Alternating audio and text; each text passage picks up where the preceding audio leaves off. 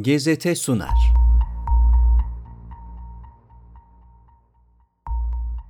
Ülkeme borcumu nasıl öderim? Mustafa Özel 63 yıllık hayatımın üçte ikisini üç harekete adadım. Fikri yönden bilim sanat, siyasi yönden milli görüş, iktisadi yönden müsiyat. Bilim sanat, bizim talebelik yıllarımızdaki topyekün medeniyet muhasebemizin eseriydi. Okuduğumuz üniversitelerde Müslüman olmanın anlamlı bir yeri yoktu. Kitaplar, atalarımızı dünya tarihinde en alt ve karanlık noktalara yerleştiriyordu. Bu gerçekten böyleyse, efendilerimizin önünde el bağlayıp peşlerinden gitmeliydik. Değilse o zaman kim ve ne olduğumuzu, daha da mühimi ne olabileceğimizi ispat etmeliydik. Hareketin nüvesi benden birkaç yaş küçük gençler tarafından İstanbul Erkek Lisesi'nde oluşmuştu. Ben onlara Boğaz içinde katıldım. Milli görüş menzubiyetim babam ve ağabeyimle başladı. Milli Nizam Partisi kapatılınca Milli Selamet 1970'lerde Ağrı'da örgütlenmeye başladığında babam Hacı Kamil, Merkez İlçe Başkanı ağabeyim Profesör Doktor Ahmet Özel ise Gençlik Kolu Başkanı oldular. Her ne kadar 1990'larda bir adil düzen eleştiricisi olarak nam saldıysam da adalet ülkülerine bağlılığımı her fırsatta dile getirdim. AK Parti'yi de esas olarak o hareketin devamı sayıyorum. Bu adalet rüyası üniversite yıllarımda sosyal demokrasiye meyletmeme yol açmış, sonunda Cemil Meriç, Nurettin Topçu, İsmet Özel okumalarım beni Avrupa'nın kirlettiği sosyalizm kavramına değilse de İslami bir toplumculuğa rapt etmişti kapitalizme mesafeli, piyasaya dost bir toplumculuk. Müsiyada çeyrek asır bu dindar, toplumcu duygu ve düşüncelerimle omuz verme gayreti içinde oldum. Derneğin dünya görüşünü yansıtan 20 kadar multivizyon metnine imza attım. Bu metinler ilmi ve siyasi olarak duruşumuzu ne kadar ileri derecede yansıtıyor olmalı ki müsiyat heyeti Malezya'ya ilk gittiğinde İngilizce sunumu heyetle beraber izleyen Ahmet Davutoğlu Erol Yarar'a dönüp bu metni Mustafa Özel mi yazdı diye sormuş. İlmi ve siyasi öz eleştirimi başka yazılara havale ederek birkaç yıldır müsiyat üzerinden sürdürdüğüm iktisadi muhasebeye devam ediyorum. 25 Kasım 2007 Yeni Şafak'taki köşemde yarın müsiyat fuarı ve İBF toplantısı için Dubai'ye uçuyoruz duyurusunu yapıyorum. Niçin ne yapmaya gidiyoruz? Kısa metrajlı bir film çekseydim senaryosu şöyle olurdu diyor ve o yıl yazdığım metni paylaşıyorum. Üç büyük ülke Türkiye, Mısır, İran. Üç köklü akademi İstanbul, Kahire ve Tahran üniversiteleri ve kafası karışık üç genç adam Ahmet, Cemal ve Hasan. İktisat, işletme ve siyaset bilimi okuyorlar. Yıl 2002, İkiz Kulelerin enkazından taşan öfke İslam dünyasını dört koldan kuşatmıştır. Ahmet 21 yaşında İstanbul Üniversitesi'nde iktisat öğrencisi. Okul çıkışı hemen babasının küçük bakkal dükkanına koşuyor, 16 metrekarelik şen bakkal kendini bildi bileli Ahmet'in ikinci adresidir. Babası Sabri Bey tam 40 yıl önce dedesinden devralmıştı dükkanı. 40 yılda İstanbul'da yüzlerce süpermarket, onlarca hipermarket açıldı ve binlerce bakkal kapandı. Şen bakkal ne bir metre genişledi ne de daraldı. Her gün sabah namazından sonra besmele ile açılır, yatsı namazından önce şükür duasıyla kapatılır. Üniversitede küresel ekonomi dersindeyiz. Ahmet'in favori hocalarından Profesör Mehmet Ahmetoğlu kürsüden ağır ağır konuşuyor. Arkadaşlar, dünyamızda yaklaşık 7 milyar insanın yaşadığı 200 ülke var. Bunlar her yıl 50 trilyon dolar civarında mal ve hizmet üretiyorlar. 2017 sonunda yaklaşık 80 trilyon dolar.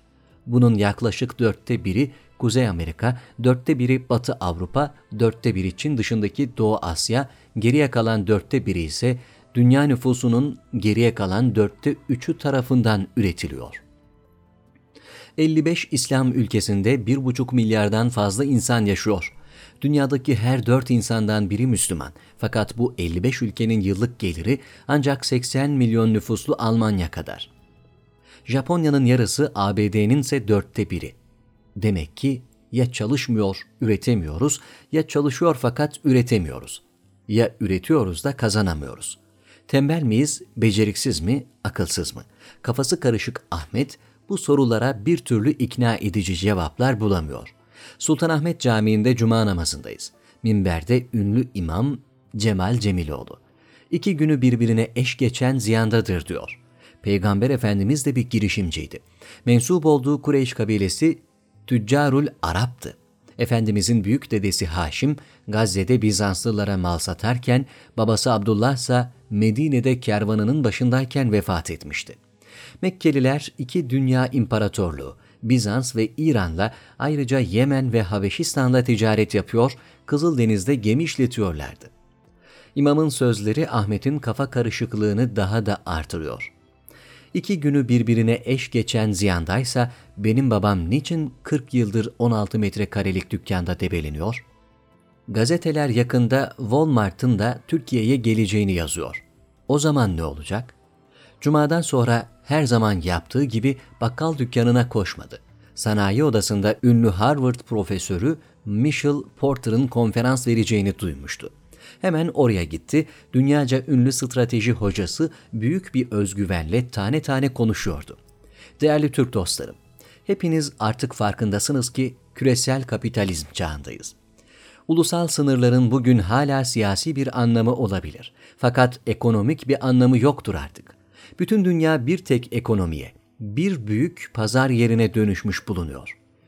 Bu büyük pazarda üç tür insan vardır. Tasarlayanlar dünya nüfusunun yüzde biri, üretenler dünya nüfusunun yüzde dokuzu, çalışanlar dünya nüfusunun yüzde doksanı. Elde edilen kazancın yüzde onu çalışanlara, yüzde yirmisi üretenlere, yüzde yetmişi tasarlayanlara gidiyor.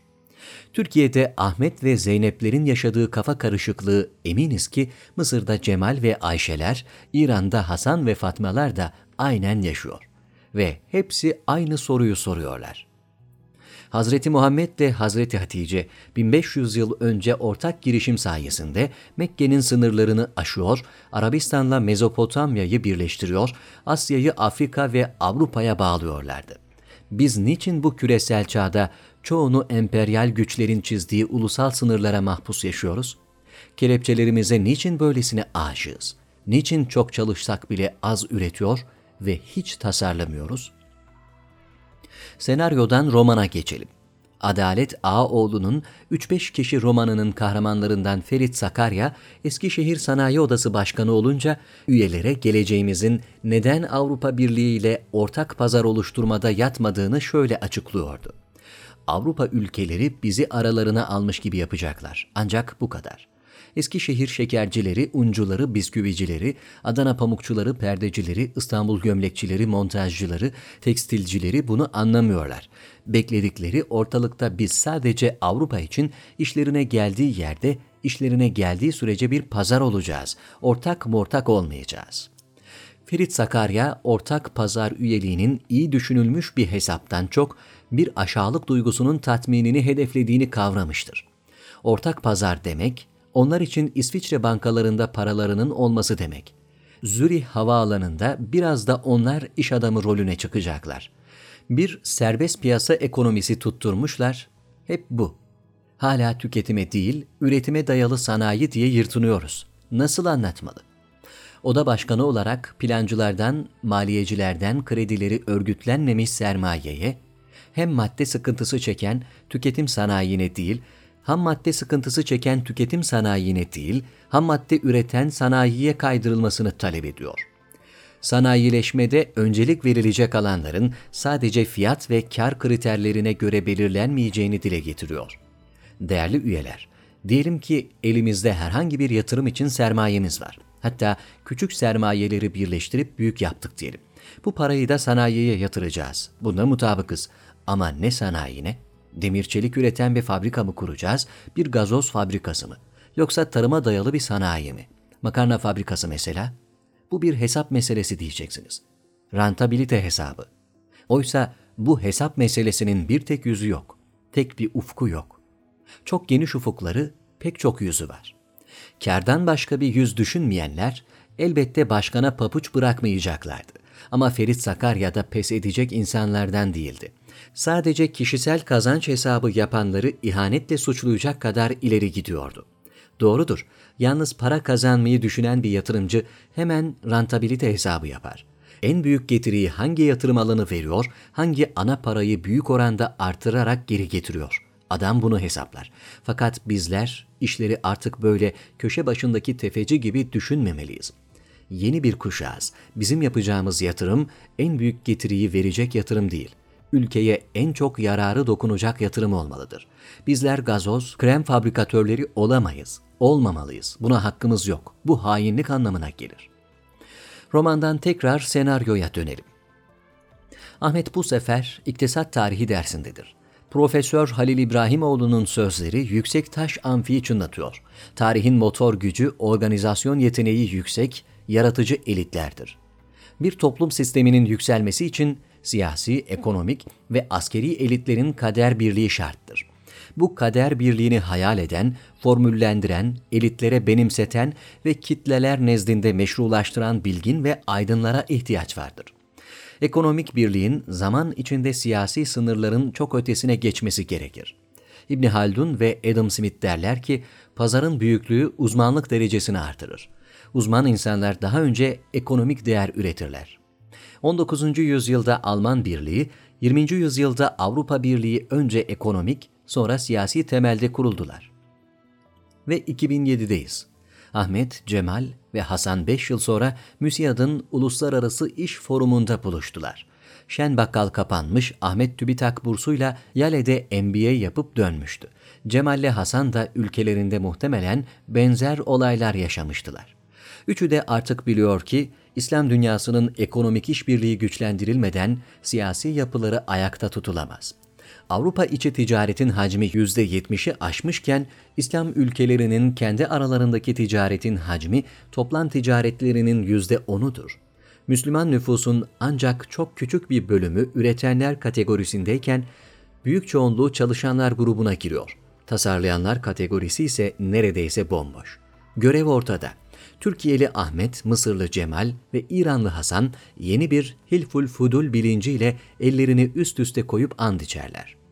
Küresel ekonomide kazanç, küçük sermayeden büyük sermayeye ve üretim sermayesinden finans sermayesine kayıyor.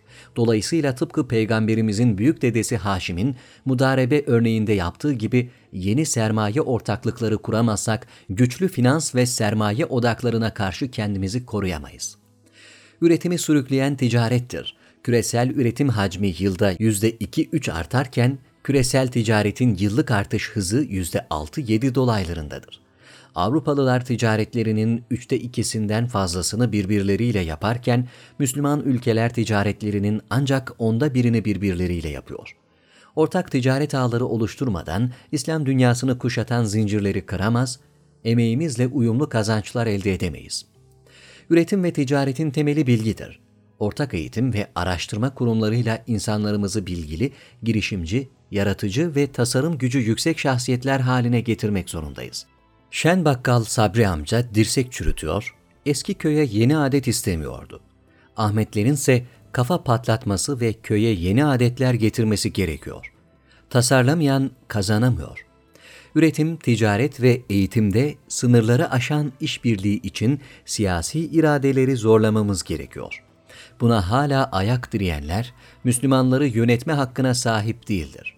Venedik'le Floransa, Bavyera ile Prusya nasıl 19. yüzyılda tek başlarına ayakta duramayıp İtalya ve Almanya'yı meydana getirdiyseler, İtalya ile Almanya nasıl 20. yüzyılda Avrupa Birliği'ni kurmak istediyseler, Türkiye ile Suriye Mısır'la Ürdün'de 21. yüzyılda İslam dünyasının ekonomik birliğini kurmak zorundalar. Bütün bunları yaparken maddesini koruyamadığımız şen bakkalın neşeli ruhunu yaşatmalıyız. İki günü birbirine eş geçenin ziyanda olması sadece maddi değil, aynı zamanda manevi zarara işarettir. Ekonomik birliğimizi ve siyasi dayanışmamızı manevi temeller üzerinde gerçekleştirmeliyiz. Hayal bu ya, Ferit Sakarya'nın 1970'lerin Türkiye'si için söylediklerini ben de bir bakıma Soğuk Savaş sonrasında doğal coğrafyamız için dile getiriyor, çalışan insanlarımızın geniş pazarda vasıflarını ilerletmek, tasarım ve rekabet güçlerini tahrik etmek istiyordum. Şöyle diyordu Ferit Sakarya, Tefeci bakışıyla kesesini tepe tepe dolduran doldurdu. Ama ülkeye hiçbir yararı dokunmadı bunların. Ülkemiz vasıfsız işçinin bol olduğu bir ülkeydi. Bunları yüksek nitelikli insanlara dönüştürebilirdik. İşte benim ileri sürdüğüm ekonomik rantabilite bu. Doğduğumuz bu toprakların insanına borcumuzu ödemenin yolu da bu. Ferit Sakarya'nın sesini Türkiye, İran ve Mısır ne kadar duydu bilmiyorum. Ama ABD ve Rusya duydular. Büyük mücadele asıl şimdi başlıyor.''